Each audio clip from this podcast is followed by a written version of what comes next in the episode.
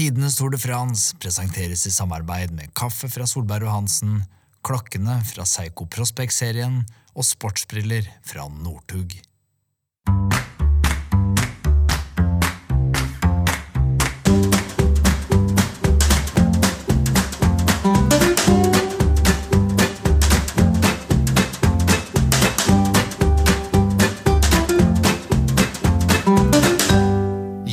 Velkommen til tidenes Tour de France. Alles, hele Norges i hvert fall, favorittpodkast. Jeg er Hanso som vanlig, og i dag så har jeg faktisk ikke Jarle med meg her i studio. Det er deg, Sunniva. Velkommen. Ja, hei, takk, takk. Ja, Det er ikke stas, det å være med på introen. Ja, det er det. Det er Ja, veldig det hyggelig. er det morsomste. Du, du sitter jo her liksom PR og bidrar du med at vi får litt bilder ut. og, og sånt. Det, det er veldig bra. Folk er jo så gira i Ja. sosiale medier nå. Det er kjempegøy. Veldig gøy at folk følger oss, eh, skriver til oss. alt sånt. Fortsett med det. Eh, Vi skulle gjerne hatt enda flere følgere. Vi, vi, vi, er, blir jo, vi er jo stormannsgale blitt. Eh, Så tips venner og alt som dere tror da kan ha noe glede av det. Det er jo utrolig nerdete. Helt klart. Ja. Eller ja, tips. Helt klart. Tips folk. Ja, ja. Det er litt nerdete òg. Du har helt klart, helt klart det òg. Ja, hvor sykkelfan var du før jeg satte i gang med dette? Kanskje ikke så mye. I hvert fall ikke så mye som deg. Ikke så mye som meg. det er Riktig. Så gjør sånn mikken, og så blir det enda bedre. Ok, nei, men vi, vi skal ikke bruke mer tid enn som så, skal vi det? Vi skal vel bare hoppe tilbake. Vi er jo i Stavanger, eller når vi spilte i denne episoden, så var jeg og Jarle i Stavanger. Vi satt, altså, og Han var raus, Alexander Kristoff. Han delte var i skoleboller og alt. Han bor jo utrolig flott. Ja. Altså, Dere hadde med kaffe og Hadde med kaffe. og Solberg og Hansen, han var fornøyd. Så Ja. Ja, men vi, vi hopper tilbake vi, til Stavanger. Vi snakker Tour de France 2014 med legenden Alexander Kristoff. Ok, etappe 10, 14. juli. Første ordentlige fjelletappe. Eh, avslutning opp La, Place, La Planche eh, De de Belfi. Hva betyr det, du som er god i fransk? eh, pass, dette er jo derfor du er i podkasten. Hva betyr Belfi? Ah, ikke peiling. Pene jenter. Ja. Oh, Ja. er det plassen Nå skulle jeg vært Johan Kagestad, så hadde du fått historien på rams. Men eh, jeg kan ikke så mye. Men det jeg kan si, er at eh, det er litt sånn nytt fjell som de har funnet. Ja. De har kjørt eh, opp her fire ganger, tror jeg, i Tour de France-historien. Det var jo her Chris Froome kjørte fra kapteinen sin. Riktig. Bradley Wiggins i 2012. Da ble Nibal nummer fire. I 2017 vant Fabio Aru Ja. på toppen her. Og i 2019 så vant faktisk Dylan Tøynes fra bruddet. Og Giulio Ciccione kjørte seg inn i gul trøye. Og så kan jeg nevne at uh, din nabo, det er jo å ta litt i, Markus Holgaard, vant jo der under Tordal SAS i 2017. Ja. Det er imponerende at Markus. Holgaard vant på La Planche de Belfi. Han går bra oppover, han. Han har vunnet i Arctic Race. Han. Men den, den bakken er stupbratt. Den er bratt. Froome og Contador som var kanskje ikke i feltet, det rittet. Uh... I Alsace. Nei, det var det ikke. Men, eh, men dette blir jo fyrverkeri av en tappe. Eh, Jarle, ta oss eh, litt igjennom her nå. Uh, ja, Det går jo da et brudd med din favoritt-Føkler. Er så, han er nydelig. Hva syns du om Føkler, Alex? Han, må han, han liker jeg altså så godt. Han sitter jo fint på sykkelen, men han gjør mye gramaser. Det er så mye følelser! Det er bare tull. Det er bare spill for galleriet. Og jeg elsker det! Og han, syk, han, han sitter pent, han står og sykler, og ser han beveger seg jo sideveis mer enn fremover. Ja, Det er bare for tull. Det er, det er så, og det er så mye følelse, det er så patos når han sykler. Du, det hele han, Men du, du heier på han når han sitter og sliter. Så har han, hatt, han har jo hatt noen vanvittige prestasjoner. da. Han. det var jo imponerende. Nesten vant Tour de France. Eh, Og har jo hatt gul trøye to ganger sånn sykt lenge, så vidt jeg husker. Så han har jo vært en veldig god rytter, men jeg føler det er mye de grimasene er jo litt unødvendige, kanskje. Du bruker mer krefter på de grimasene enn å trå. Ja, det er riktig. Han har mye ansiktsmuskler. Eh, Men, men, Det gjør jeg jo for så vidt, men jeg har jo samme, bare hodet på skakka og sliter litt. Men, eh, ja, men, men jeg forandrer ikke utseendet. Sånn. Nei, det er mer Jim Carrey over uh, Føkler. det er Han har en uh, mulighet der. Nei, men Og så har han ikke vunnet noe av betydning. Eh, Skal jeg sånn- fortsette litt? Fortsett, fortsett, sorry. Ja, ok. Vestra, Visconti, Irisar, Føkler, Moinar, Gerard og Riblot går i bruddet. De får selskap etter hvert av Jan Barta, Joaquin Rodriguez, nå går jo klatretoget, og Petter Sagan, som skal ha noen grønne poeng. Eh, og så kommer Michal Kwiatkowski, Mikael Kwiatkowski seg opp etter hvert, for han henger jo på Tony Martin-toget. Tony Martin bare kjører han opp i gruppa på egen hånd. Han er jo Supermann. Selvfølgelig. Han trenger ingen. På vei ned fra Col du Platzerwasel velter Alberto Contador og brekker leggbeinet tvers av. Eh, Så da er dette er fun fact da, Andy Schleck, Chris Froome, Alberto Contador er ute av dansen. og Det betyr at for femte år på rad vil det være en rytter som for første gang i karrieren vinner Tour de France dette året. Ja. Som- 20, ja. 2010 Andy Schleck, 2011 Kedel Evans, 2012 Brad Wiggins, 2013 Chris Froome, 2014 en rytter som ikke har vunnet det før. Ja. Og så er det jo fight. Tony Martin, Kviato, Rodriguez. Og så begynner jo gutta bak. Scarponi drar opp tempo for Astana. Og de skal jo launche Nibali. Eh, til, og til slutt, og han går jo solo inn til seier på La Planche de Belfi. Han gjør det, altså. Og, og viser jo at han er eh, å regne med. Og her er det en unggutt i Francais de Jeu, som ikke vi nevnte som favorittene, mens eh, Thibaut Pinot viser jo at, han, eh, at Frankrike kanskje har, eh, har en helt i fremtiden. Han sto på lista mi også. Både han og Bardet, egentlig. Ja, jeg hadde de faktisk, ja. Men, eh, og Valverde, tredjeplass. Og så er det denne toerens overraskelsesmann. Så jeg synes, Jean-Christophe Perrault. Her begynner han å vise at han, eh, han eh, har hensikter. Er han gamle, det? Han, han, var, han var gammel, ja. Du ser du på han, han, så, altså, han ser, jøss, han, han på 53 der? Han burde være imponerende, men så var han bare sånn 36-37. Men eh, det var Agutuera òg. Jeg husker de var bra hele laget. Den Mm. Ja. Men her tar jo da Det er 2,23 ned til Richard Port, 2,47 til Valverde. Og i, i pressekorpset begynte vi å snakke om liksom, er Tour de France avgjort allerede. Ja. Også fordi disse, også både Contador og Froome er ute. da. Ja. Og jeg tenker Det her er liksom marerittet for arrangøren. Det er jo ikke det her de håper på. At bare én skal utkrystallisere seg, så bare ja, ja, vi får jo se hvem som tar poengtrøya. da. Men du vil jo ha liksom spenninga i sammendraget så lenge som mulig. Så ikke så mye spenning med den poengtrøya heller. For det er Sagan var jo med, han deltok jo. Og da vinner jo han den på måfå. Ja. Men, eh, men så blir det hviledag, eh, og det syns jeg alltid er så gøy å spørre rytterne om. Hva, Da sitter jo Alex på do, tenker jeg. Faktisk har det blitt litt bedre. Jeg tror den siste dagen var dagen før. Eh, opp bakken der, så var det tungt. Men eh, hviledagen så begynte jeg å føle meg frisk. Eh, men jeg hadde fått i meg litt liten næring de siste tre dagene, tror jeg. Og gått ganske mye ned i kilo òg. Så um, da husker jeg kjøpte masse sjokolade og gikk på McDonald's. og var ikke måte på. Så, Full rulle? og jeg og Spilak dro på McDonald's alltid hver hviledag. Ja, du var for kom med der. Du Han var med der. han. Han, Ja, eh, han ble på det. han. Mækkern, sier dere. Og så kom han. Han har flere år, Alle årene jeg har kjørt eh, Grand Tour, har vi vært på McDonald's på Villdagen. Men hva bestiller du da? Jeg tror jeg hadde milkshake og cheeseburger. Jeg husker ikke helt. Og trippel XXXXL-meny, eller? Nei, vi hadde ikke så Vi lurte oss vekk og bare trente for oss selv, oss to. Da eh, dro vi innom der. Så det er ikke lov, egentlig? Ah, de skal jo egentlig ha sikker mat. da. Det er ikke like Ah, ja. sikkert. Helt. Ja, sånn, ja. At noen putter noe Antibac og alt sånt skal være hygienisk. Jeg vet Ja, ja. ikke, de har ikke kontroll hva de gjør på Mac-en, kanskje.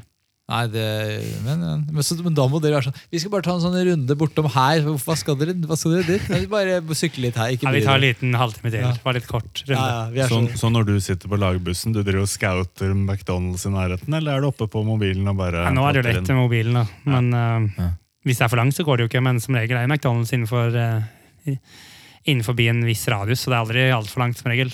Ja, er Men jeg, jeg har sett at du uttalte litt tidligere i toren at det eneste du fikk i deg var ris, og at du hadde gått ned tre kilo i løpet av et par dager. Så jeg skjønner at du var sugen på en Big Mac. også. Ja, ja, men jeg husker jeg var veldig tynn. Tror jeg var nede på 74 kilo, så det, Oh. Så det er ikke normalt for meg. Men jeg klatra jo veldig fint etterpå, da. så det gikk jo, det var jo godt for noe. Ja, ja fordi, fordi Dette er interessant når vi er inne på det. Fordi jeg mener husker at jeg har hørt deg si at du når du går inn i toren, så går du inn litt, litt tyngre. altså Sterk og kraftig, for det er mye spurtetapper. Og så har du en bevisst strategi om at du skal ned litt.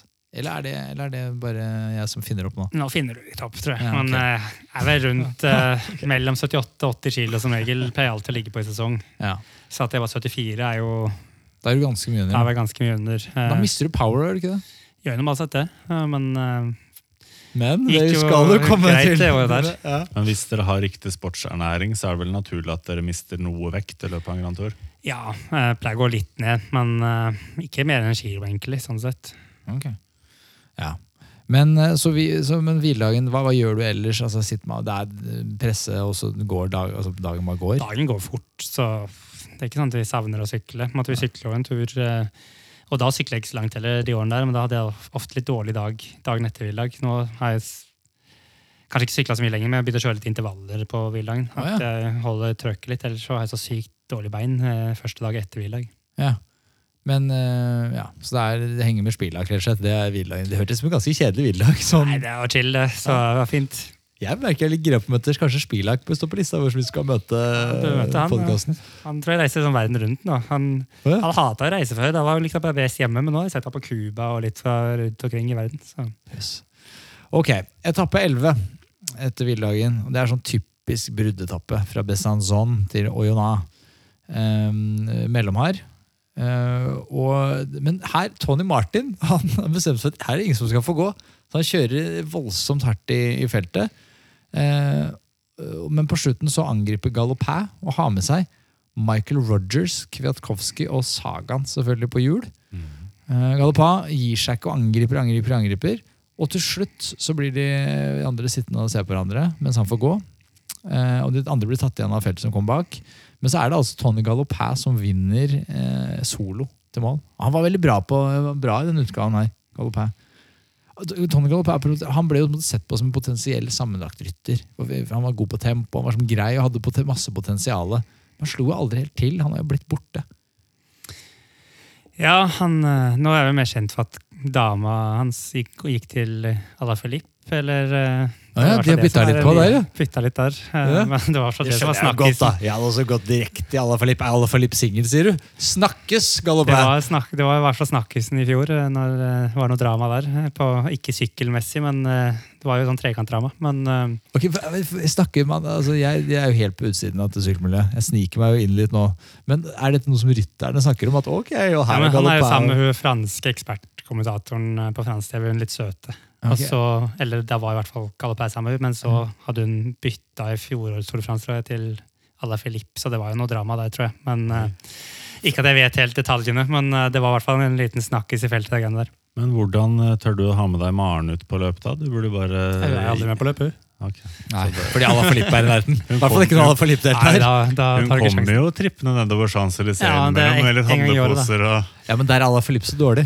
Så Der, der vet Alex at han har, han har Ja, ja, hulehånd. Akkurat på Champs-Élysées. Der er Der slår. Men en ting som jeg syns er litt rart, eh, det er jo også at Galopin fikk gul trøye. Det tenker jeg er litt sånn taktisk fra Astana, for de trenger ikke å ha den på hver eneste etappe.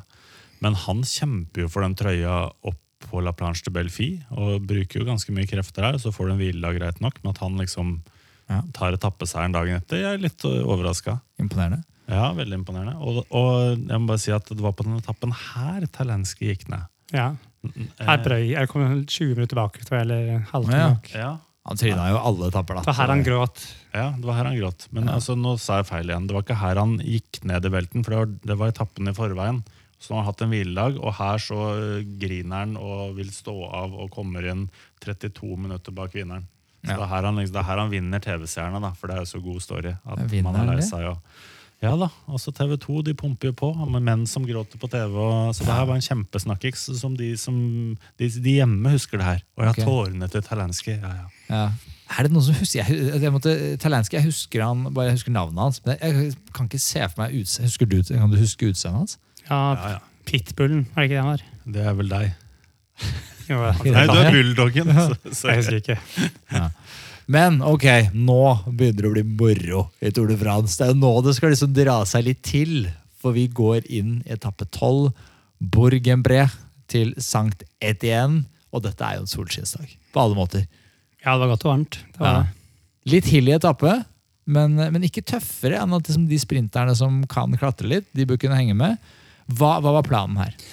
Jeg husker dagen før forveien eh, så hadde jeg følt meg ganske bra. egentlig, og var, Jeg fått beskjed av laget om å ta det med ro. Ja. Så jeg var litt sånn, jeg var ikke helt enig. for Jeg tror jeg hadde hengt med liksom, og kunne kjempe for andreplass sammen med Degenkolb, som ble to den dagen. Ja. Så jeg hadde kjent meg egentlig ganske bra, men de sa bare spar deg og spar deg til neste dag. på en måte. Og så hadde jeg gjort det. Jeg kjørt helt chill eh, dagen i forveien, og så ok, i dag var dagen. I dag skal jeg virkelig prøve liksom, å vinne. Så gikk det overraskende bra i de bakkene inn mot mål. og hadde jo også med meg Porser, som normalt sett var på mitt nivå i bakkene. Eh, cirka. Kanskje litt dårligere. Han satt med, tror jeg. Paulini var der. Isaichev, som normalt sett gikk enda dårligere bakkene, han tror jeg også klarte å henge med. Så, så vi var egentlig fulltallet inn mot mål, men så ble det litt sånn tull eh, siste kilometeren, og vi mista hverandre alle sammen. Ja. Eh, så jeg var bare plutselig helt alene. Men eh, Ordentlig kaotisk avslutning her.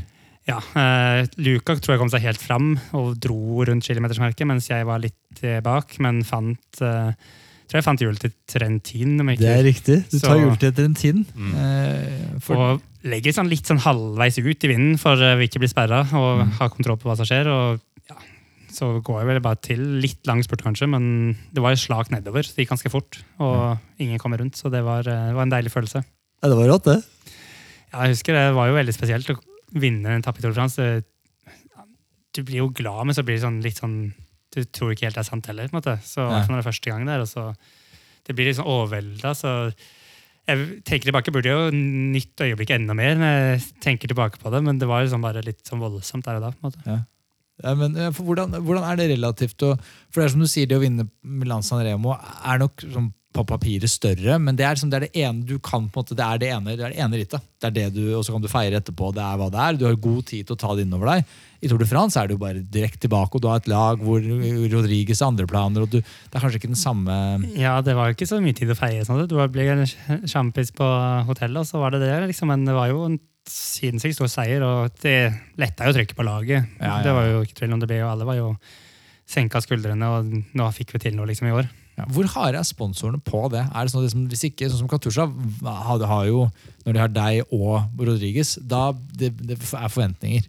Skal være, vi skal ha en tappeseier, i hvert fall. Det er forventninger, og det er det uansett hvilket lag det er, føler jeg. Eh, Til og med da jeg var i BMC, ok, første året i BMC i Giroen, så var det ikke så mye forventninger, siden alle, da var vi bare unggutter på laget der. Men, Ja. eh, men egentlig alle årene jeg har kjørt Grand Tour, så er det forventninger om at vi skal vinne noe. og- når du ikke gjør det, så er det jo litt dårlig stemning, men du prøver jo det beste du kan, og noen ganger treffer man liksom, andre år treffer man ikke. Så selv om i fjor, så var det, når jeg kjørte Tour France i fjor, så var det jo ikke kongestemning rundt. Vi kjørte dårlig, men, Ja. men du gjør det beste du kan. og Sportsdrikkgate snakker du om nå?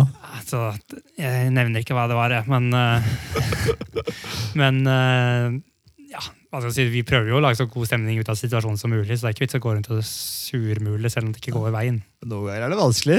Noen ganger er det vanskelig. Er det vanskelig. jeg hadde jo et smil om munnen noen ganger i fjor òg, selv om det var dårlig. Ja, ja. Ja. Venter du egentlig her også bare på at noen skal passere deg på siden? Altså, du, du har jo Degenkolb og Demar og Sagaen i hælene. Ja, Eh, eh, Kitter er jo ikke der, og Greipel velter. eh, Mm. Og Kau er jo ute. Men eh, jeg, tenk, jeg tenker ikke så mye egentlig underveis. Eller på slutten, jeg kjører bare så fort jeg kan, men jeg følte jeg hadde bra trøkk, og så, så gikk, det jo, gikk det jo litt slakt nedover, så da er det jo litt lettere å holde farten i front. Nei, det var helt rått. Uh, var, var du mett nå, eller tenkte du at dette var gøy? Nå skal jeg jo vinne mer. Nei, jeg prøvde, prøvde, som jeg sier, alle dager du har tro på at du kan vinne, så prøver du å vinne. Så Ja. det var fortsatt noen dager igjen. Heldigvis. Etappe 13, Sankt 31 til Chamroux. Eh, 197,5 km med bakketopp-finish. Og, og nå snakker vi fjell, Jarle. Nå er det alpeland. det første HC-kategorifjell i Tour de France så langt. Ja. Så det har jo bare vært litt sånn eh, pen start der i Alpene, ja. Etappen Eh, starter med minnestund for Malaysia Airlines Flight 17. Husker du det? Den ble skutt ned over det var disse russerne som ikke skøytene over Ukraina. eh, og så er det veldig mange nederlendere om bord, så det er vel litt sånn de nederlandske rytterne sykler med sørgebånd. Eh, De Marki går i brudd. Eh, han gjorde mye av det her. Mm. Og inn i siste stigning så ligger han da fortsatt alene i front med Jan Bakelands jagende bak. Og i bunnen av den siste bakken så fiser jo Richie Port av eh, feltet. Så han er heller ikke noe å stole på den sammenlagte kampen. Nei. Samme skjer med Pierre Ola og Rui Costa. Så det er ikke så mange niballer jeg har å bekymre seg for, egentlig. Nei, for det Movistar de tar jo kontroll, for de har en plan med Valverde. Eh, Men første virkelige angrep det kommer fra en fyr som heter Leopold König. Og for et navn! Altså Om jeg skulle bytte navn, Leopold König, det tror jeg hadde vært høyt oppe på lista. Altså. Så tysk kan du skjønne litt mer av. Jeg skjønner litt mer tysk enn fransk, eh, dessverre. Eh, og, men dessverre så han har han langt sterkere navn enn han har klatrebein. Så man får med seg Maika. Eh, og like etter så klinker Valverde til, og da blir det alvor. Nibali på hjul. Eh, og så får de selskap av Pinot og Lorentz Tendam. Eh, men så uten å egentlig angripe, så bare kjører Nibali fra. Bare kjører de andre av hjulene. Ja. Er best. Han er sjefen. Ja. Så han tar igjen han som er König. tar igjen Maika og kongen. Eh, Men så kjører han bare samme oppskrift på de, bare peiser fra. Og så setter han nesten et minutt i sekken på de andre GS-favorittene. Altså Nibali vinner da igjen. Mm. Er, er det tredje eller andre etappen han vinner i år her? Tredje. Nei, altså, så bra. Sprøtt. Men her er det drama i kulissene, Alex. Og du er jo så ålreit, så du deler jo det med Pro Cycling og deres lesere. For hva er det som skjer innledningsvis på den dagen her, hvis du nå skjønner hva jeg hinter til? Jeg tror Prito ville gå i brudd eller noe, og så går bruddet av gårde. Og så setter han alle mann i klutene, på en måte, utenom meg nesten, eh, å kjøre inn. Og da kjører jo de gutta alltid har, de. Eh, men problemet er jo de bakkene på slutten. Jeg tror det var to større fjell. Ja. Og da ryker Porsev av ja, Om det var Isaichev, jeg husker ikke, men i hvert fall Porsev, som har vært en av mine viktigste opptrekkere der, eller var den kanskje sistemann, på en måte. Han ryker av ganske tidlig og klarer rett og slett ikke tidslimiten. Eh, Så han ryker ut av løpet. Eh, Det er jo ikke med mange sekunder, jeg tror det var halvt minutt det var snakk om. eller et eller annet, så jeg var jo litt irritert at de, han brukte opp hele laget så hardt for, eh, For ingenting. for ingenting, for jeg tror ikke han fikk noe ut av det engang. Du kalte det piss. Ja, Skal vi, eh. gjøre det, skal vi gjøre det her for piss? Jeg syns det var piss for at vi brukte hele laget på ingenting. For jeg tror, jeg tror ikke han fikk noe poeng i det hele tatt, til syvende og sist. For han Nei. tok jo aldri igjen de foran, eller Så da var det jo veldig unødvendig å miste en rytter som vi kunne bruke seinere til å vinne etapper og sånn, uten at vi fikk noen ting igjen for det. Men selvfølgelig. Er dritirriterende. Det var veldig irriterende. I hvert fall når han egentlig var der bare for oppkjøring uansett. Han Ja. er jo ikke i noe bra form heller. Jeg hadde ikke vist noe inntil da, hvert fall. At Nei. han Da er det tid for tidenes Tour de France-quiz. Og nå er det Hvilken uke er vi i, Sunniva? Uke fire. Ja, det Fire er er vi vi. faktisk. Uke fire. Folk er med, og det er kjempegøy. Vi, det, for å, øh, som premie da, så har man, vi da fått med selveste langrenns-S-a. Petter Northug. Han har jo begynt å lage briller, og han lager faktisk ganske bra briller. Altså. Jeg var litt sånn i starten, men det er, det er råbra briller. Kjempehøy kvalitet, godt glass og sånne ting. De passer både for gutter og jenter, gjør de ikke det? Oh, jo da. Ja, de kler, kler dem greit, du. Ja. Ja, jeg synes det. Ehm, men eh, hvis du har lyst til å vinne et par briller fra Northug, så må du være med i quizen. Og spørsmålet denne uka, altså tidenes Tour de France-quiz uke fire, eh, spørsmålet lyder som følger. Sunniva, tar du det? Ja. Ifølge Alexander Kristoff, hva er favorittrestauranten til Simon Spilak? Ja, ikke så gæren uttale. Altså, jeg er ikke stødigere på russisk jeg, enn at jeg syns det hørtes greit ut. Ja, Altså, så en, ta det en gang til, altså, folk som har tungt for å få det med seg. Altså, Ifølge Alexander Kristoff, hva er favorittrestauranten til Simon Spilak? Der er det. Så send inn på direkte melding på Instagram. eh, Følg oss der. Eventuelt Facebook hvis man ikke har eh, Instagram.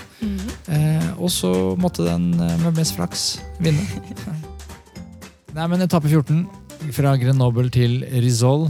Eh, også en da bakketopp-finish. Eh, høyt tempo fra start. Ganske, er jo ganske kort etappe. Mange som vil i brudd. Eh, og så går det et brudd da med Maika og Rodriguez. Eh, det er tydelig at det er her det er de slåss om den klatretrøya. Mm. Hva hva var planen her? Liksom, hadde man snakka i bussen om at nå skal klatretrøya Nå skal jeg gå for den? Jeg tror han var litt sånn skuffa selv dagen før òg. At han hadde tatt, hadde jo tatt kommando for å ta den klatra, så tror jeg ikke det ble noen ting ut av det. Så han gikk vel litt i seg selv da, og skulle få noe ut av det nå. Så da, da tok han kommando og kom seg av gårde. Og Var det dere deg? Det var du som piska han opp? Og nå skulle han, bare, Ja, må jeg ha noe å vise Christian, ellers blir det bank, liksom. Kanskje, så jeg tror han sanka en del poeng, om ikke det husker helt feil. Han får jo også souvenir Henri Descrange. Vet du hva det er for noe? Kanskje er mest aggressive rytter eller noe? ikke. Nei, det er førstemann over Torens høyeste punkt. 2360 meter over havet. Så han, får litt, han får litt penger til uh, bøtekassa. Ja, det var bra. Ja, det var for best for han, si. Ja, best for han. Eh, og Bruddet går da først over etappens nest siste fjell, Isoar. Eh, men i feltet så skjer det ting ned i Isoar. For Ar- Argeto R, med eh, Rohan Bardet i spissen, forsøker å splitte eh, GC-favorittene. Mm. Og han er jo råbra nedover. Hvilken i din bok Alex, hvem er best eh, utfor? Som du har sett noen gang? Jeg er ikke helt sikker, men uh, Sabodelli husker jeg var kalt Falken en gang, for han var så god utfor, men jeg har ikke kjørt så mye med han. Men Ja. uh, Thor, har du kjørt med Thor utfor en gang? ja, jeg følte han var ganske bra. Uh, Nibali? Nibali er bra, og Sagan er bra. Ja. Men ja, jeg har ikke følt noen gang jeg har veldig problemer med å kunne henge på hjul, for det er som regel ganske mye lettere å ligge på hjul, for da kan du ta, ser du åssen de andre tar svingen. måte. Hvordan er du utfor? det? Helt ok. Ja. Eh, Jeg føler jeg sliter litt i de verste serpetiene for jeg har ikke så øvd så mye på det. på en måte, Men ja. det er aldri et problem, for det, er jo, det er bare å spurte litt hardere ut av det igjen måte, hvis du får litt luke. Så det er ikke nødvendigvis så Nei, Siden jeg klarer å spurte ganske bra uansett, så jeg klarer alltid å tette som regel en luke. Ja, så det angrep på Poggio, det er like greit å la være. Ta den veldig spurten. Ja, jeg har aldri slitt ned Poggio, egentlig. Eh, Selv om den er jo rimelig teknisk. Men der går det litt kjappere i svingene. Så jeg føler ofte de utførslene som går hvor du ikke må bremse helt i null, da føler jeg går egentlig ganske fint. Foran i bruddet i hvert fall, ned, så kjører Jane Thomas alt han har. Og det er tydelig at han jobber for Mikkel Neve. Nå må Sky gå over for å de har jo, altså, eh, han, Port er jo ikke i form i det hele tatt. Så de må jo gå for etappeseiere. Han tapte jo ni minutter dagen i forveien. Ja, ja, ja. Så angriper Neve da opp eh, mot Risol. Eh, nei, Maika er som har andre planer. Det er han som angriper opp mot Risol. Eh, og ingen andre klarer å følge. Men er- bak blir det action. eh, Jarle. Mange angriper, men til slutt får Nibali nok, og så bare klinker Nibali til selv. Og da er det vår gamle, gamle mann, altså. Ordentlig furutryne, Perrault, som klarer å, å henge med. Mm. Og så er det en fyr som spreker. Valverde. Ja, Han taper minuttet. Tatt minuttet. Og så er det Maika holder helt i mål. Ja, Her er det litt bakgrunnshistorie på Maika. faktisk. Eh, En ting som er litt spesielt, er at det her er den første proffseieren til Maika. Er dette den første proffseieren til den Maika? han Der, der og da, som 24-åring. Eh, en annen ting er jo at han ble jo nummer seks i Giro d'Italia. Han skulle egentlig ikke kjøre Tour de France. Men Roma Kreuziger, som egentlig skulle være under eh, Contador i systemet, Ja. han har noen rare blodverdier, så han får ikke lov å starte Tour de France. Nei. Og inn fra siden kommer Rafael Maika. Og han kritiserer det her eh, på Facebook. Kritiserer laget sitt. Altså, jeg, jeg skulle jo på eh, bobilcamp til Tyskland. Jeg skulle plukke jordbær i hagen min og hygge meg. Han skulle kjøre Polen rundt i august. Det var neste målet hans. Så han skulle egentlig ikke være med i Tour de France, og ble jo sur og kritiserte lagledelsen. Og her da får han sin første proffseier. Og det er jo starten på noe kjempesvært for Rafael Ja, Maika. ja, ja. Det var ikke dumt av han å utsette det med jordbærplukkinga noen måneder. Altså. Um, men Men selv om har du opplevd det, Alex? At du ble tatt ut til ting mot din vilje? Altså Tour de France mot din vilje, eller? Egentlig ikke. Um, Jeg hadde jo sagt ja til Tour de France sikkert uansett, sånn sett. Men uh, jeg føler stort sett jeg har kjørt det jeg skal, men nå har jeg stort sett vært skadefri. og sånn. Men uh, jeg har ikke blitt så kasteball, kanskje i starten av karrieren, men da kjører du litt det du får kjøre, på en måte. Så egentlig ikke hatt det problemet veldig mye, nei. Men uh, som er tilbake til jordbær, så er det ikke sikkert de er plukkende som kommer hjem. Det er et godt poeng. Ja, det er faktisk et godt poeng. At det, hvis du er glad nok i jordbær, så kan du ville ofre Tour de France. Liksom. Altså, hvis du er bare glad nok. Men jeg tenker på det- dette med du sa der med å sykle mot sin vilje. Det var jo når, når Gaviria eh, gikk til UAE, så var det jo litt sånn drama om liksom, hvem er kaptein, egentlig. Og sånn. Og det er det, det jeg liker så godt med deg. Det er at du, ikke til forkleinelse for andre nordmenn, men du tør å liksom gi faen den janteloven og tør å si at det er, jeg er best. Det er jeg som, jeg, dere bør sykle for meg. Da skal det laget ha noen poeng, skal det laget komme noen vei, så bør jeg ta styringa. Dere bør sykle for meg. Eh, og det var liksom, Hvem skal få lov å være kaptein Tour de France? Og skal du være opptrekker for Gaviria? Du vært verdens råeste opptrekker hvis jeg var Gaviria. Så bare, yes, please, liksom. Kan jeg få Alex som opptrekker? Hva var liksom, hva har vært, men så har du klart å, du har klart å unngå det. da. Du har vært best når det gjelder. Jeg er jo så egentlig satt opp som eh, opptrekker til en eh, nordløp, men så har jo han vært skada eller syk, så han har jo ikke stilt opp alltid Nei. der han skal. så Hvor irriterende var det når de signa han? det var jo så klart irriterende, for at jeg skulle jo helst hatt Jeg de signa noen opptrekkere til meg. Ja. at de signa en som var enda raskere og spurte. For da blir jo jeg opptrekker. Men jeg tror nok det er fremtiden min etter hvert. Eh, kanskje allerede nå. At jeg i de raskeste spurtene så merker som fått til 2014, da, som vi snakker om nå, så er jeg nok ikke like rask. Det er nok litt med musklene og alder og sånn òg, at eh, du blir kanskje litt treigere. Eh, De seier også, da. du, jeg merker faktisk det på bakkeintervaller, sånn at jeg i hvert fall ikke dårligere på det nå. Eh, litt sånn seige intervaller, men sånne raske, kortere intervaller og spurter, så er jeg nok ikke helt så rask som jeg var da. Eh, så jeg vil jo tro det er en del i Norge som er raskere på en Hvis jeg kommer fresh inn, eh, inn i en spurt nå, så er jeg nok ikke raskest i landet lenger. Men, Nei, eh, men det er noe med å ha den der, da. Ha den skallen eh, som skal du, være kommer du en spurt i Flanda rundt, så er jeg kanskje raskest i landet fortsatt. på en måte. Men ja, men Posisjonering og sånn, så har vel en del å si. ja, det har mye å si. Det er jeg ikke i tvil om. Eh, Hvis du har, hvis, si at eh, hvis du skal ja, en spurt, si at du kommer inn i, i en spurt, så er jo kanskje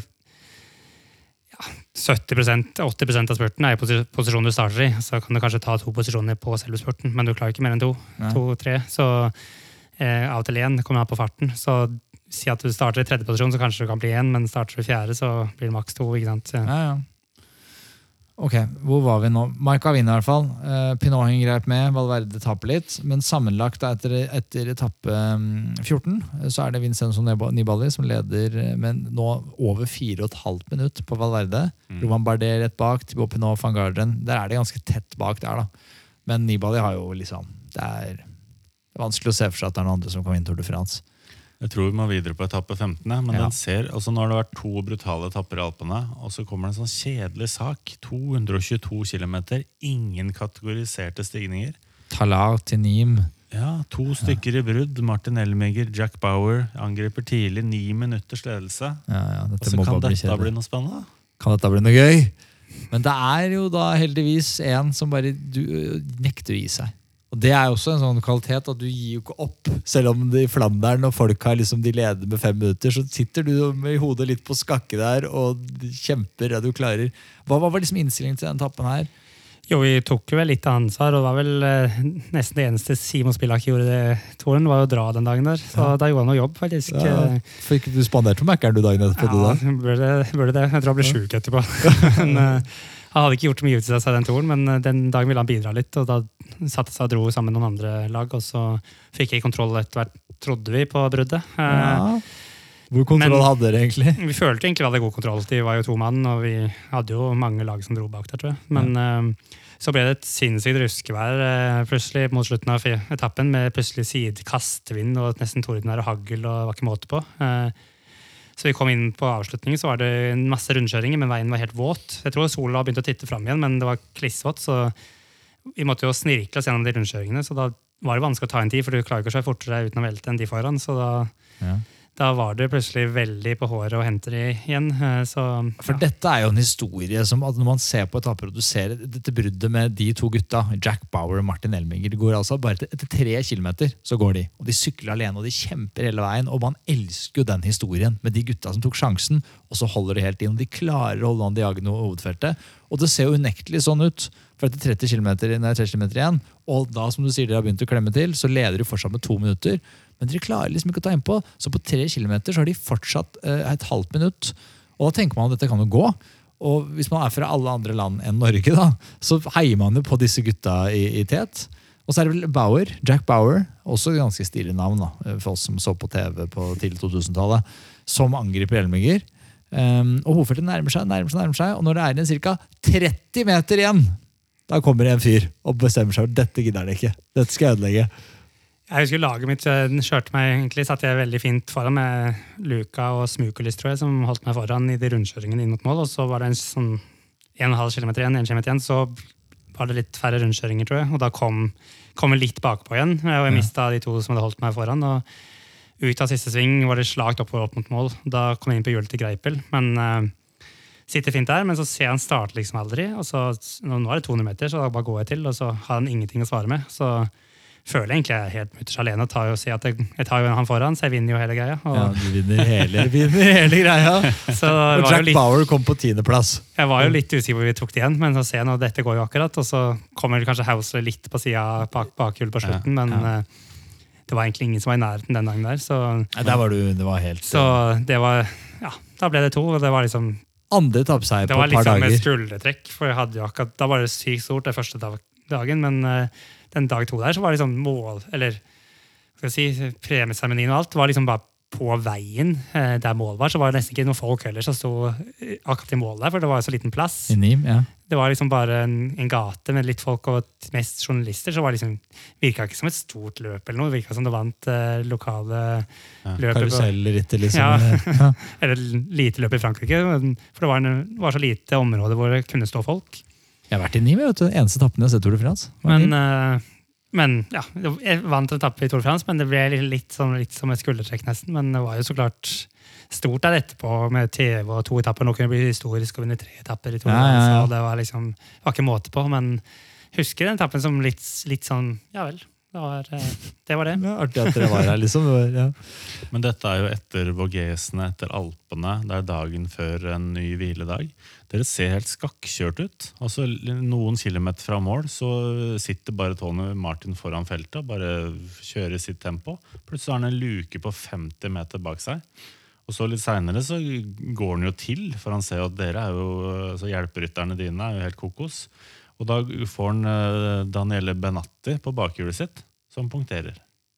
Akkurat der punkterer han. Så de to kunne faktisk ha finne på noe på slutten der. Det, var kaos, og det var jo litt pga. det var så glatt òg. Det ble Ja. mye luker ut av de rundkjøringene. Ja. så det, er altså, det er veldig snodig å se på, for det er som du sier, altså de utbryterne blir jo aldri henta, i hvert fall. Det er rart om man har så lite kontroll. Men, Men, men der igjen, da, tårer. Jack Bauer satte seg ned og gråt. Ja, og du tok jo etappeseieren fra han. Og det her gjorde, er sånn gjorde, det noe TV-greier, med, da. ja, men gjorde det med at liksom, du følte det, var feil å feire så mye? Fordi at det. Nei! Nei, det driter i det. Jeg dreit helt. blanke.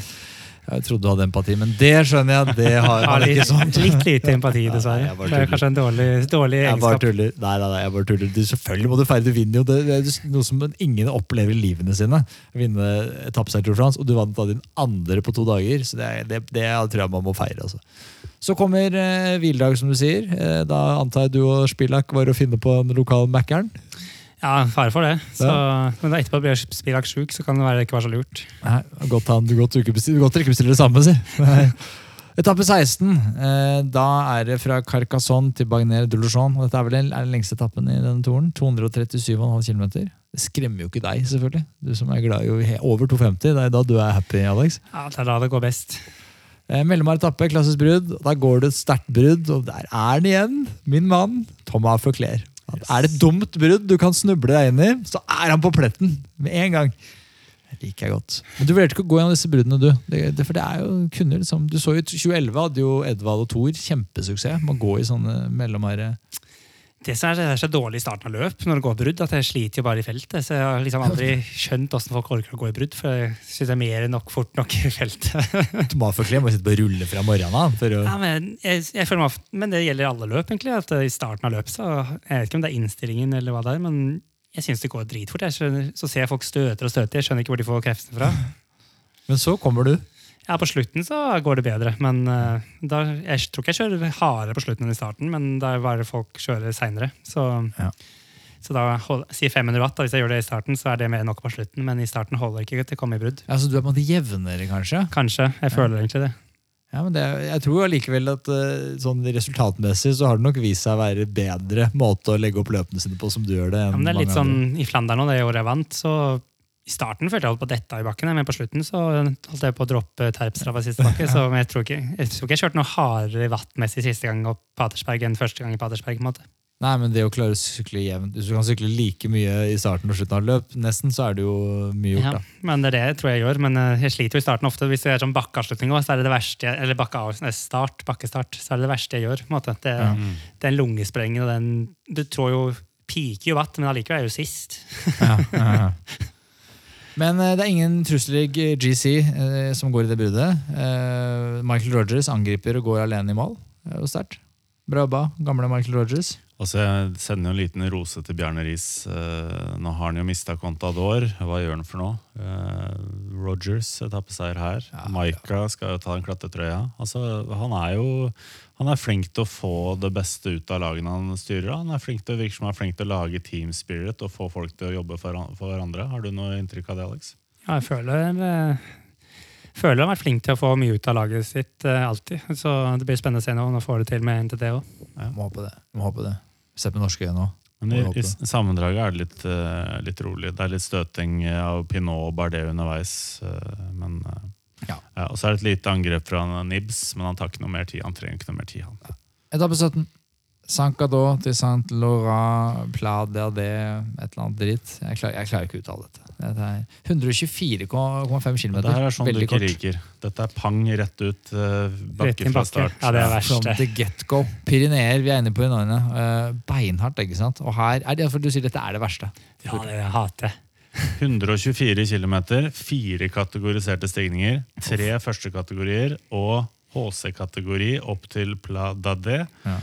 Og her eh, frykter spurterne altså Worst case er vel å havne utafor gruppettoen, så du sitter her aleine og skal prøve å overleve.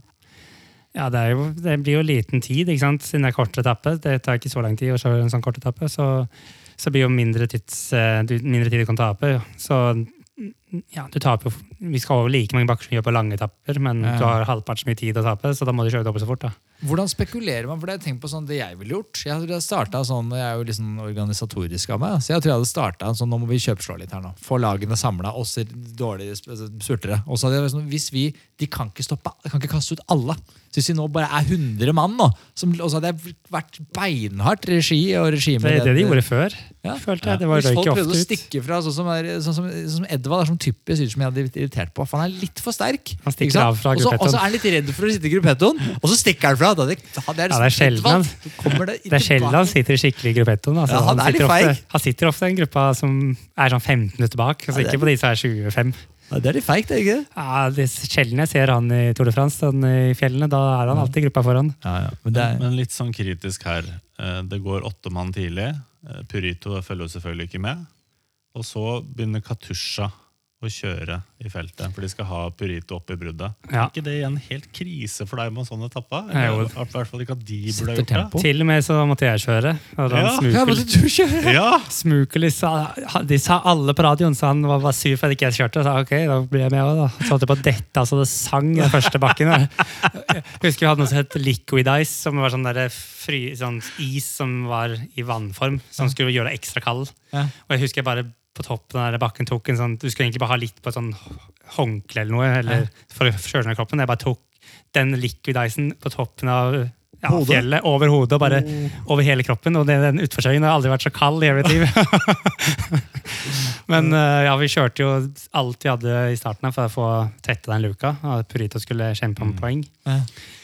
Og Simon han hadde spydd husker jeg den natta, ja. Eh, Så han var helt Han klarte jo ikke egentlig å kjøre løp, han skulle frem og dra, så han, han dro vel i ti minutter, og så måtte han bare stå av. Så Han han var var sto- av Tour de etter den etappen? ja, Ja. Spilak sto av, han, men han spydde den natta. Jeg husker han, jeg bodde jo på rommet hans, så jeg hørte jo den spyinga. Ja, deilig.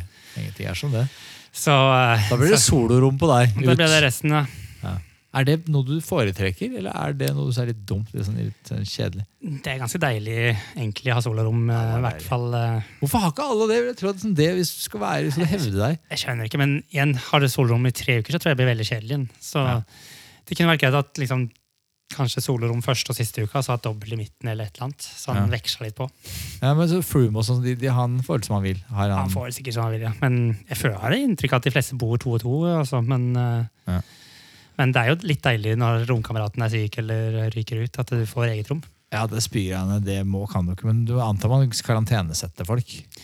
Ja, Når en er syk, så går det, får du alltid singelrom. på en måte. Så Ja. hvis, Sven er litt syk, så får jeg jo singelrom, eller motsatt. Men eh, ja, det, det blir fort litt kjedelig òg. Og så er det liksom å holde styr på alt. Det er jo greit å bare spørre Sven ja, når var det du skulle, skulle på middag i dag. så har han alltid ja, kontroll på det. er han, for det gidder ikke du. Nei, nei. Du er jo kaptein, for pokker. Jeg skal jo ikke ha kontroll på noe. Men en annen ting er jo så det taktiske her. Det, Torsten Schmidt var din DS. Eh, og så er det jo Bjarne Riis, taktikeren. taktikeren. Purito han får lov å svinse oppover fjellsiden. Han tar de første tre førstekategoriene, totalt 30 klatrepoeng. Mens Maika fokuserer på siste toppen, HC-kategorien. Der ligger det 50 poeng. Ja, for det er Bjarne Riis, ro ned Maika. Chill, la Purito slite seg ut. Ta de poengene der. Du skal ha den siste toppen. Ja, for du sier det, det er to konkurranser som pågår i den tappen. For det er jo på en måte, du har jo sammenlagt den, og det er, Kanskje folk har gitt opp å slå nyballer, men det er jo konkurranse om å være topp ti. Ja. Og så er det kampen om klatretrøya, mellom da, som det ser ut til å stå mellom Rodriguez og, og Maika. Uh, og her, som du sier, Maika fester grep om klatretrøya. Han har is i magen, uh, venter, og vinner sin andre etappe i toren her. Går Vet du, vet du hva som skjer litt her? Det er en sånn der motorsykkel som kjører forbi Maika. Og så tar han tak i den og henger på den i to sekunder. Hæ? Så ser du på Rito litt lenger ned i. Hei, hei! Skal Hei, prøve å skjer få det? diska. Ja, ja.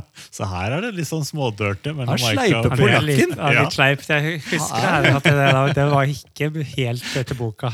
Nei, det er jo ganske Det husker ikke jeg. Nei, Ja. Du ser det på hvis du ser på litt sånn sammendragsvideo. Ja, nei, men, Men eh, altså, ja. Alt er jo lov når det er kamp om klatretrøya? Jeg vet ikke om det er lov å henge på bil, egentlig, men uh, hadde aldri kommet gjennom min første giro uten å henge på bil. Så. Ja, for hvordan er det du, det, I gruppettoen så hadde jeg, jeg hadde henta mye drikke i bilen. Jeg må ha et par ord med sportssjefen din, tror jeg, nå. Bare litt sånn på siden. Jeg tror jeg har noe teknisk Det er noe med bremsen her. Men det blir jo litt sånn, men igjen, gruppettoen det er ikke alltid vi må kjøre maks. Så når du kjører sånn ja, 300 watt, så er det sånn medium, så da klarer du fint å gjøre det. på en måte. Ja. Så det er ikke alltid vi må peise på mer. Men noen ganger er det jo sykt travelt, og da kjører du alt du har. Ja, ja, men jeg tenker på sånn, hvor, hvor lov er det? Fordi jeg, hadde noe, jeg tror jeg, hadde, jeg kjenner meg selv såpass, jeg hadde misbrukt det ved at jeg hadde, jeg hadde hatt mye teknisk trøbbel. Jeg misbrukte jo det kan du si, før min første giro. Ja. Eh, hadde jo aldri kommet gjennom der hadde jeg ikke hengt fått mye gel og barer og flasker. Ja. Jeg husker sportsdirektøren ba meg gå på, til mekanikeren, for jeg var så sliten i armen. Så Han må, han må holde deg han var jo sånn holde, ja. Så, så, men det var jo giroen i 2011 i BMC. Da, da skulle vi over etten og alt mulig. Det var jo ja, det var helt sinnssykt rart. Men eh, Det var kanskje slutten. Det var ikke slutten av, nei, det var jo for seint for at disse De Luca og disse gutta som var fulle av uh, jeg husker det var helt krise, men jeg tror det året vant i hvert fall Contador uh, om med sånn ti minutter. Men Ja. eh, Det kjente merket en gang da. Men eh, ja, da misbrukte i hvert fall jeg også det. Men eh, det har vært mye strengere. I Tour de France generelt er det mye Og så er det vel strengere. på deg òg, for at nå er du en å regne med. I 2011 var du litt sånn Da var det noe- ja, ja. Stemmer nok det. Du ser jo litt også når eksempel Cavendish detter av, så har han en kommissær rundt seg. på en måte. Ja. Mens hvis det er nobody som detter av, så, så driter de på en måte i det. Og da er det sikkert lettere å henge på en bil òg. Hvor mye klokka di nå, Hanso? Nå så nærmer han seg eh, podkast-tid. Ah, Ah, det var ikke dum! nei. Nei, eh, bra du sier det. Jeg har jo alltid kontroll på tida. Stålkontroll. Eh, Jeg òg. Du og vi har alle Ja. det. Vi, eller vi begge i hvert fall har det. Vi er alle psykos. Vi hadde Psychos. Vi, sammen med Psycho så har vi jo en, en konkurranse gående. Det har dere sikkert fått med dere, men vi, vi kan ikke si det nok. Og vi, vi håper at dere har lyst til å, å rate podkasten vår. Eh, Det hjelper oss veldig med å få ordet ut der. da. Eh, og rate oss der dere kan, i den appen dere har mulighet til, eller på Facebook eller hvor dere vil. Send oss en melding eh, på Instagram eller Facebook når dere har gjort det. Det syns vi er hyggelig, og da vet vi også hvem dere er, sånn som vi kan putte dere i klokkeriet. Eh, og så trekker vi en heldig vinner når denne podkastserien er over i, i august en gang. Eh, og da, da kan man vinne en Psycho Prospect Alpinist limited edition. Wow. Til en verdi av nesten 9000 kroner. Eh, så gjør det, ja. Så, så blir det bra. Det hadde du ikke fått i podden til Tore Sagen, for å si det sånn. Det hadde du ikke fått. Ja, tilbake til uh, podden. Blant GC-ene så virker jo Nibali helt uovervinnelig, men nå begynner det vår gamle, grå eh, mann Jean-Christophe Perrault å vise form. Han er på en måte den eneste som klarer å følge Nibali nå på slutten av Tour de France. Hva, hva husker du av Perrault, egentlig? Sånn, eh, Jeg husker at du kjørte en tempo. Han velta i siste sving, og velta, Ja. altså på, velta i samme sving på trening før på dagen. eller et eller annet. riktig, det er riktig. Det er vel denne- er vel fra denne her. det. Det er det jeg husker. Men sånn utover torn, men sånn generelt, det er ikke, du har ikke noen minner fra Brå? Har er ikke noen minneverdig type, han? Ingen minner. Nei, Det er veldig få som har det. Eh, etappe 18. Pau, og her skal vi opp Hotakam. På. På, på, på, På. på. Han På. Pau. Vi jo På. Ja, ja. ja, jeg snakker jeg. Jeg snakker det språk som folk flest forstår. jeg. Det står jo Pau. Og opp Hotakam. 100 og ganske kort, 145 km. Slutter på en topp. Hvilket fjell er verst av Tour de France? Du har som Galbier, du har Tourmalet. Alpe d'Huez, og så har du Hotakam. kanskje. Jeg vet ikke. Jeg synes de går under samme kam. Eh, Kurt syns at uh, Hotakam var en verre kam enn de eh, andre. Som regel kjemper jeg ikke om noe der, annet enn å klare tidslimit i så fall. Så, så lenge jeg har grei tid innenfor der, så, Ja. så er det ett fett for meg det går oppover. Men ja, Tungt uansett. Ja. Årets siste fjelletappe. Uh, etappen ble jo en kamp mellom sammenlagsfavorittene uh, igjen. Det gjorde det. Altså, Nibali angriper jo ti km fra toppen. Han skal bare gni det da. Fra, altså, det er jo ikke noe vits å snakke om sammendraget. Det er jo så avgjort som eh, at det går dårlig med norske krona. ja, Altså, men det er kamp da bak, for det er jo Det- kulere det å komme på andreplass andreplass enn syvendeplass. Ja. Og det ser vi jo. Uh, Valverde prøver seg her ned Tourmalet. Men det er jo han sprekker jo som et lemen opp Hotakam. Han har jo ikke noe i, i krutt i tønna, han. Så mister han andreplassen i sammendraget. til Thibaut Pinot, som her begynner liksom å vise at han, eh, han er å, å regne med. Uh, men nå er det bare 15 sekunder som skiller andreplassen fra fjerdeplassen. Og inn i da det som, Nå blir vel det første en litt rolig etappe, og så er det tempoen hvor alt skal avgjøres. Og så har jo selvfølgelig Maika avgjort polkadotten, så dette funka jo ikke for uh, Pyrito. Ja, irriterende. Etappe 19. Eh, jeg klarer ikke å uttale dette, men jeg går inn i Bergerac, der vi har hatt Molby før. Husker vi fra tidligere episoder. Møkkavær. Ordentlig møkkavær. Husker du den etappen her? Ja, jeg husker vi hadde på gabajakker til det var sånn 50 km igjen. Ja. Så Her tror jeg du hadde planer. Ja, jeg, tror jeg, jeg trodde jeg kunne vinne igjen. Eh, Liten knekke på slutten. Ja, Der gikk Navdadskas til og holdt inn. Yes. Eh, var noe velt og jeg tror Luca Paulini velta for meg de siste to kilometer nå, i en sving. Og ble slått i spurten av Degenkolf. Jeg ble sperra inne av Petaki, som kjørte opptrekk eh, for eh, han kanskje, jeg vet ikke hvem han kjørte opptrekk for, jo, Renshaw. Ja. Så Petaki kom rundt meg, og så måtte det rundt, bremse og komme rundt han igjen. Og, for så, og da hadde jo de kom bakfra, så egentlig tror jeg var raskest i den spurten der, men ja, vi kjempa om andreplass, og Navadaskas var noen sekunder foran. Er helt riktig. Så det er Degenkolb som tar andreplassen. i- Og i den velten går jo både Sagan og Greipel ned, og det gir jo litt mindre kjørestyrke for å, for å samle det også. Ja, men jeg tror ikke vi har tatt han igjen, for det var, han hadde sykt bra trøkk. Ja. Um, og så er det tempo, da. Etappe 20. Bergerac til Perigord. Uh, 54 km. Eneste tempoen i årets uh, tour.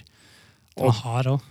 Hva har jeg? Ja. Eh, Det har jeg ikke tenkt på. Men det var, bakke der i midten. det er mulig.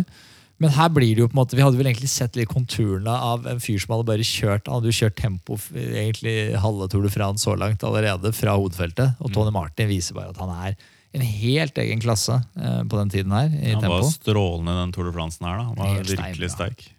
Eh, og så er det en ung Tom Dumoulin som viser seg på andreplass her. Eh, Nibali kjører jo, er, viser jo at han er i kjempeform. Eh, tror dere Nibali hadde vunnet den Tour de France selv med Froome og Contador i form med hele veien? Godt spørsmål. Godt spørsmål, jeg har ikke peiling. Det er, det er vanskelig å vite da, hvor, hvordan de sto. Men eh, Froome og Contador i toppslag, så ville jeg jo ranka de som er enda hakket bedre i en Grand Tour. Men Ja. Eh, kampen om pallen den levde jo aller beste velgående her. Og det er jo her eh, Perrault eh, også kjører en veldig bra tempo. Det er vel Han faller jo sånn. Det er rett, jeg husker den. jeg følte han falt på recon, og så falt han på I løpet. samme sted. Samme Eh. Riktig. Stemmer det. For han var jo spådd at liksom, her kunne han uh, gjøre det. Og Nå også, blir det for mye press for han, vet du. Gjør det. Valverde var jo spansk mester på tempo av et året, så man tenkte at han skal liksom lage hakkebøff av Pinot, eh, som da lå på andreplass. Men eh, Valverde har jo på en måte eh, har ikke formen da, inne og kjører som en basker med støttehjul på, på tempoen, langt bak. Så Pinot tar tredjeplassen i sammendraget eh, etter den tappen her. Og den store vinneren i sammendraget er nok her da van Garderen, som kjører kjempebra. Og, og kjører, sykler seg opp til femteplass. Men det er én fyr jeg har notert meg her med i margen som sykler altså så dårlig tempo at det er, du lurer på om det er kødd. Bauke Mollema. Altså Han lå jo i niendeplass sånn, og han sykler altså en rygger og taper kommer sånn ti minutter i mål bak eh, Tony Martin. Kjører seg da nesten ut av topp ti. Han kommer ned på tiendeplass.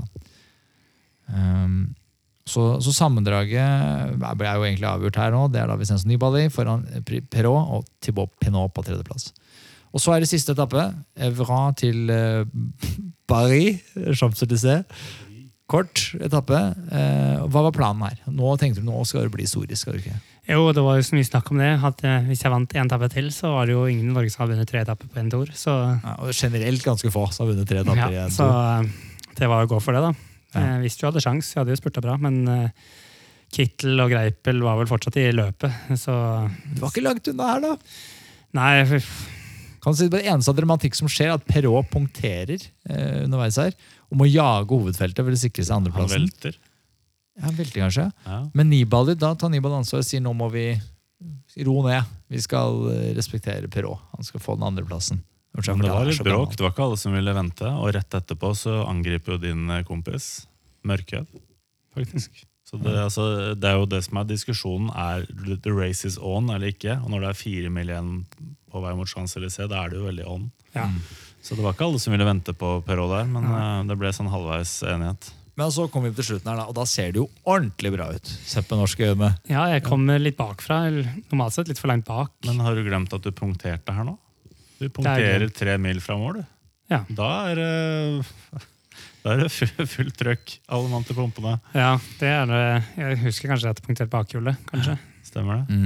Så du, du kommer jo øh, lovlig seint til festen, men du er på en måte i posisjon før det skal spurtes. da. Ja, jeg, I feltet, sikkert i, i siste runde, er jeg med. Ja. Så jeg husker også jeg kom litt Normalt sett så ville jeg vært litt lenger fremme i spurten. Jeg kommer litt langt bakpå. Mm. Så jeg bare går til fra start og kommer egentlig fin vei frem. eh, Kommer med veldig høy fart og tar egentlig hva er det, Shimano?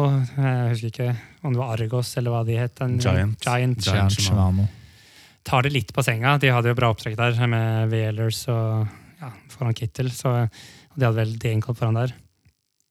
Men eh, jeg tar det litt på senga, ja, og kommer i høyere fart bakfra. Og får litt, har egentlig taket på Kittel, egentlig. Jeg føler jeg har Det han, ser ut som du skal vinne. jeg har han litt i det hullet, men så kommer han centimeter for centimeter på slutten her, og klarer akkurat å snike seg forbi en eh, på streken. Så, så det var jo litt sånn, litt sånn som Saga nå har vært på meg. Han kommer seg akkurat forbi når det gjelder, og da var det jo Kittel som eh, hadde gjort det første året før i første etappe, og Ja. også en etappe tidligere i denne toren. Eh, Så det var jo surt. Eh, Jeg visste jo Champs-Élysées var jo det største, største spurteren kan vinne, og det var jo en drøm å vinne der. Nå har jeg jo klart det seinere, men det var jo så klart litt bittert. Jeg var jo stolt og fornøyd med en andreplass. Jeg hadde jo prestert over all forventning. Mm. Ja, når du har to etappeseier i sekken, så er det vanskelig. å si, Men man blir jo skuffa der og da. Og i hvert fall når det, det ser ut som du skal Jeg eh, kjente jo at det var nærme på å vinne. og Mm.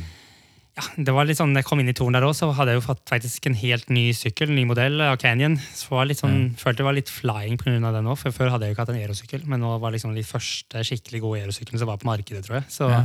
jeg merka faktisk med en gang jeg fikk den sykkelen, at den, føltes som den hadde litt som sikkert en elsykkelfølelse. Den, den gikk liksom framover av seg selv når du trådte. Så det rant bare mye bedre enn den jeg hadde på trening hjemme. Så Var dette rett inn rett før Tour de France? jeg prøvde én etappe i Sveits rundt, og så fikk jeg den dagene før Tour de France. Jøss, er ikke Wow. det risky saker? Johan Kaggestad sa jo det også, det er så typisk at man skal, re, man skal gjøre noe helt nytt. Sportsdrikk, eksempel. Yes, eh, det var jo litt risk, så klart. For jeg hadde kjørt en helt annen ramme i klasseegerne og på trening hjemme. Og så prøvde jeg den én dag i Sveits rundt, i en bakkeetappe. hvor vi Og da kjente jeg jo ikke at det var noe bra, på en måte sånn sett. Nei. Men så prøvde jeg den på trening litt, og så kjørte jeg først med mitt originale styre, så styret var det samme som før. Men jeg bytta faktisk det Ero-styret som fulgte med sykkelen, som var testa i vindtunnel med sykkelen halvveis. Så da fikk jeg faktisk en centimeter kortere stemme enn jeg var vant til. Så Ja. det var mye forandring egentlig på posisjonen inn, inn i det Tour de France enn hva jeg egentlig har trent på. Men uh, den sykkelen var nok såpass mye bedre enn uh, enn de andre på markedet som var da. på en måte. Eh, Det var sikkert litt sånn som jeg føler Specialized har nå med skibremsvention, at den er såpass mye raskere. Du ser jo ofte i spurtene, og hvis du så på for eksempel i EM i fjor, var jo syv av topp ti på en Specialized-sykkel. Ok, Jeg har ikke tenkt så mye på det, at utstyret har så mye å si. Så jeg tror nok det hadde et lite kick for meg også i spurtene der, at jeg hadde en veldig aerodynamisk sykkel for mange av de andre. Og at det, derfor jeg plutselig det året var helt der oppe blant de aller beste måtte, i spurtene. Ja. For det har jo sånn Rohan Dennis, den der eh, saken, når han står av og det blir konflikt i laget, så sies det at det er mye, på- var mye pga. utstyret. At han var misfornøyd med sponsoren og ville ikke sykle på den. Han hadde vel en avtale at de skulle få et annet, han skulle kjøre på noe annet enn det han fikk. på en måte. Ja. Men hvor, hvor, jeg antar jo det, Hvis jeg var sponsor da, for, for UAE, så hadde jeg jo på en måte, jeg skal ha Christo skal sykle min, mitt sykkelmerke. Altså, men han liker ikke sykkel. Ja, det driter jeg. Jeg putter jo penger ned i det. Skal, den skal han sykle på. Så det blir jo en konflikt der med en gang hvis du vil Ja, det er det jo. Hvis, uh, han, men hvis han har i kontrakten at han skal kunne sykle på noe annet, så Ja. Men ikke vet jeg. Eller Hvor vanlig er det? Har du det i din kontrakt? Du kan sykle på den sykkelen du vil. Nei. Jeg må kjøre på laget sin sykkel. Du må sykle på den dumme sykkelen til laget, men det er heldigvis er den god, da. Conlago er fint til det, men Ja. det er kanskje ikke like rask som en Specialized Venture. Vil jeg, jeg vil ikke påstå at Conlagoen er like rask, men den er kanskje bedre på andre måter. Men i en ren spurt eh, så vet jeg jo ikke om den er den raskeste på markedet. Men Colago er jo helt klart en god sykkel. Det er det ikke tvil om. Jeg har lyst, jeg har lyst til å begynne med sånn gravel, gravel-sykling, Alex. Hvilket, kanskje du kan koble meg med noen Colago-folk? Kanskje. Er, det- kan- er, det- er de gode på De det, eller? har gravelsykkel. Jeg har trent på den. Den er fin, den. Det Er god den? Ja. Ja. Det får vi ta etterpå. Ok, men Vi oppsummerer litt her. da, Tour de France. Eh, Nibali vinner jo helt overlegent til alle. Ja. Eh, Perrault overraskende på andreplass. Det er jo veldig overraskende. Mm. Eh, Pinot på tredje. Eh, poengkonkurransen. Vinner bare dette Sagaen med et hav. Han bare, og hvem kom på andreplass? Ja, det var meg. Det var deg. Så hadde han bare diska seg selv på slutten her nå. Og du Skulle tatt tatt en sånn eh, Han burde tatt en litt dårlig manøver, et eller annet, så den ble diska. så For som du ser Ja, her, så hadde vi bare Jøss, der var pr- spratt inn i grønn drøye. Det var fint. Men Sagaen tok grønn trøye på dag to, holdt den hele veien siden og vant ingen etapper. Nei, han vant ingen etapper. det året, nei. En annen ting er jo at det her er jo Tour de France som Team Sky aldri snakker om. Nei. For de har liksom dominert siden de kom igjennom eh, i 2010 og nesten vunnet alt. Men her er det ingen etappeseiere. To mann i sammendrag som er rundt topp 20. De er over en, nesten over en time bak sammenlagtvinneren. Og det er liksom, det er helt natta. De har jo fortsatt Richard Port og Joanne Thomas her, men de er bare sjanseløse. Maika vinner klatretrøya, Nibale på andre og dumme Purito, som sløste opp eh, ryttere over en lav sko, eh, tar tredjeplassen. Eh, Ungdomstrøya vinner mot Pinot. Eh, og hvilket lag tror du vant? Du har nevnt at det var bra i stad. Eh, Yes, sir. De Og Alexander. Kristoff i en alder av 27 år. To etappeseiere og tre andreplasser. Ja, Det er bra, dumt, det er bra altså. sommer. Det var en bra sommer. Eh, Men våren etterpå ble råere, altså. Det var Flandern, det var Flandern, var det ikke det? Ja, det, Sesongen etterpå var jo råere, men Tour de France var jo helt stang ut. Ja. på en måte. Men eh, resten av sesongen året etterpå var jo, tok jo helt av. Du følger den tida der, altså. Vi får deg tilbake i den formen, gjør vi Det det? Sykkelen var jævla bra, men, Jo, eh, men nå til høsten, få, få det litt på nå. Meld noe hardt nå. La oss få hørt det her først. Beskjeden, vet du. Nå roser han sykkelen. da. Ja. Hva, hva, hva er målet nå? Hva er det som skal vinnes liksom, den høsten? nei, det blir jo, blir jo klassikerne i Ja. oktober. Altså, så bra. Robé, er det på tide å ta det nå, eller? Ta den Det det. skalpen der? Det er på tide, så nå har jeg jo brukt egentlig klassikersykkel hele år. Jeg skulle egentlig bare bruke den frem til klassikerne og ikke kjøre aerosykkel etterpå, men eh, nå har det ikke vært noe løp eller etterpå, så da har det blitt eh, klassikersykkelen hele veien. Så nå er det, føler jeg hvert fall at den er godt innkjørt. Ja, det er veldig bra. Så vil du si fra hvis du er i Oslo vil sykle noe gravelbike. Sånn gravel run. Da, da Jeg ser du sykler til Edvald, i hvert fall. Sykler noe Ja, gravel og greier. Jeg skal prøve å henge med. Jeg må litt mer trening, tenker jeg, før jeg er klar. Jarle, du da? Hvor er formen din? Du, Nå fikk jeg lyst på mer skolebrød, så jeg tror jeg drøyer, drøyer den litt med den Ja. gravel road-biken. Nei, men du, Det har vært fantastisk hyggelig å få lov å komme på besøk. Få lov å komme hit til Stavanger. Eh, invitere oss hjem, og vi hilser på og drikke kaffe og skolebrød. Det er jo luksus. Eh, og så håper vi at Ja, Jeg tror altså. Jeg tror eh, Nå er det back to sånn 2014-2015 days. Det tror jeg. Vi får håpe det, får håpe det er noen gode år til, så Ja, at det ikke klart bare blir, går nedoverbakke. Ikke opptrekker helt. Da. Nei, drit i det opptrekkspratet. Må vi bare få lagt av med en gang. Jeg tenker jo sånn, Hvis jeg skal eh, holde meg aktuell da, så, og fortsatt sykle, så er det jo en måte å fortsette karrieren på. en måte, Ja. noen år til. Men Bare Ja, si du har du lyst på et par si at hundre du har til, hold, eller sting, eller hva du kaller det. Sorry, jeg er sting. Jeg sting. ikke. så sorry. spurte selv. Ja, ja. Ok, men det tror jeg bare vi gir oss. Jeg. Takk for oss. Eh, Kjempestas. Vi snakkes. Vi drar på Mækkern og tar en spillak. Vi gjør det. Gjør det. Ha det. Ha det! Ha det.